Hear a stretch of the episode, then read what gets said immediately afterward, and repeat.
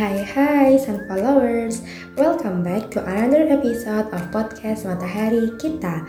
Podcast yang berisi berbagai topik terkait mental health and self-development. Bersama aku Reva yang akan nemenin kalian beberapa menit ke depan. Nah ngomong-ngomong gimana nih Sun Followers kabarnya? Semoga kalian dalam keadaan sehat dan juga full senyum ya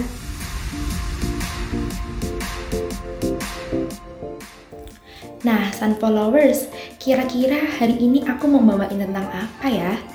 Hmm, ya bener banget dong. Kali ini di podcast Matahari kita akan berbicara terkait kiat-kiat membangun personal branding. Menarik banget gak sih? So, go grab your snack, sit comfortably, and listen to us until the end.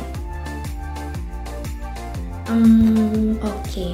Kayaknya kita bakal mulai dari yang ringan-ringan dulu nih Sun Followers.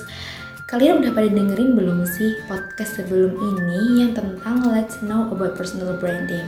Nah, menurut aku, personal branding ini tuh sepenting itu karena 85% recruiter mempertimbangkan personal branding dalam keputusan rekrutmen mereka.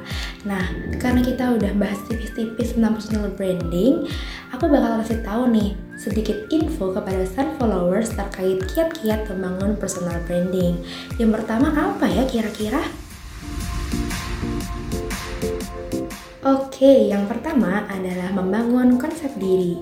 Nah, konsep diri ini bertujuan untuk mengenali lebih dalam terkait diri kita. Nah, mungkin Sun followers bisa menggunakan pertanyaan seperti siapa kita, apa motivasi kita, apa kelebihan kita, atau bahkan kekurangan kita. Nah, kalau Sun Followers bingung untuk menjawab pertanyaan ini, Sun Followers boleh banget nanya ke orang terdekat untuk memberikan perspektifnya terkait diri Sun Followers. Oke, kita akan masuk ke kiat yang kedua ya teman-teman.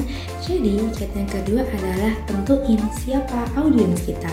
Apakah kita ingin menjangkau pimpinan perusahaan atau seorang individu di perusahaan tertentu atau bahkan perekrut untuk pekerjaan impian Sun Followers. Semakin cepat Sun Followers menentukan audiens, semakin mudah pula untuk mengembangkan personal branding yang sesuai dengan tujuan audiens yang kita tuju.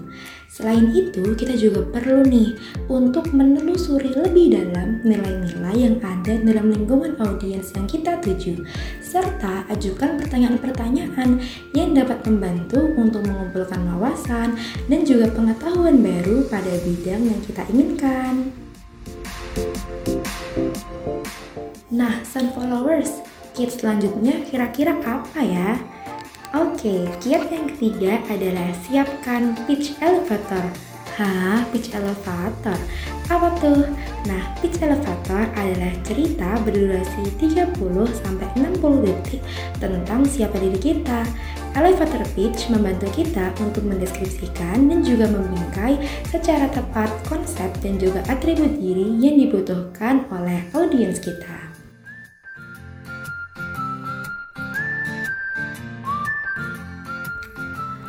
Oke, kiat yang gak kalah penting nih Sun Followers adalah memperluas jaringan secara teratur dan juga efektif dalam lingkaran profesional.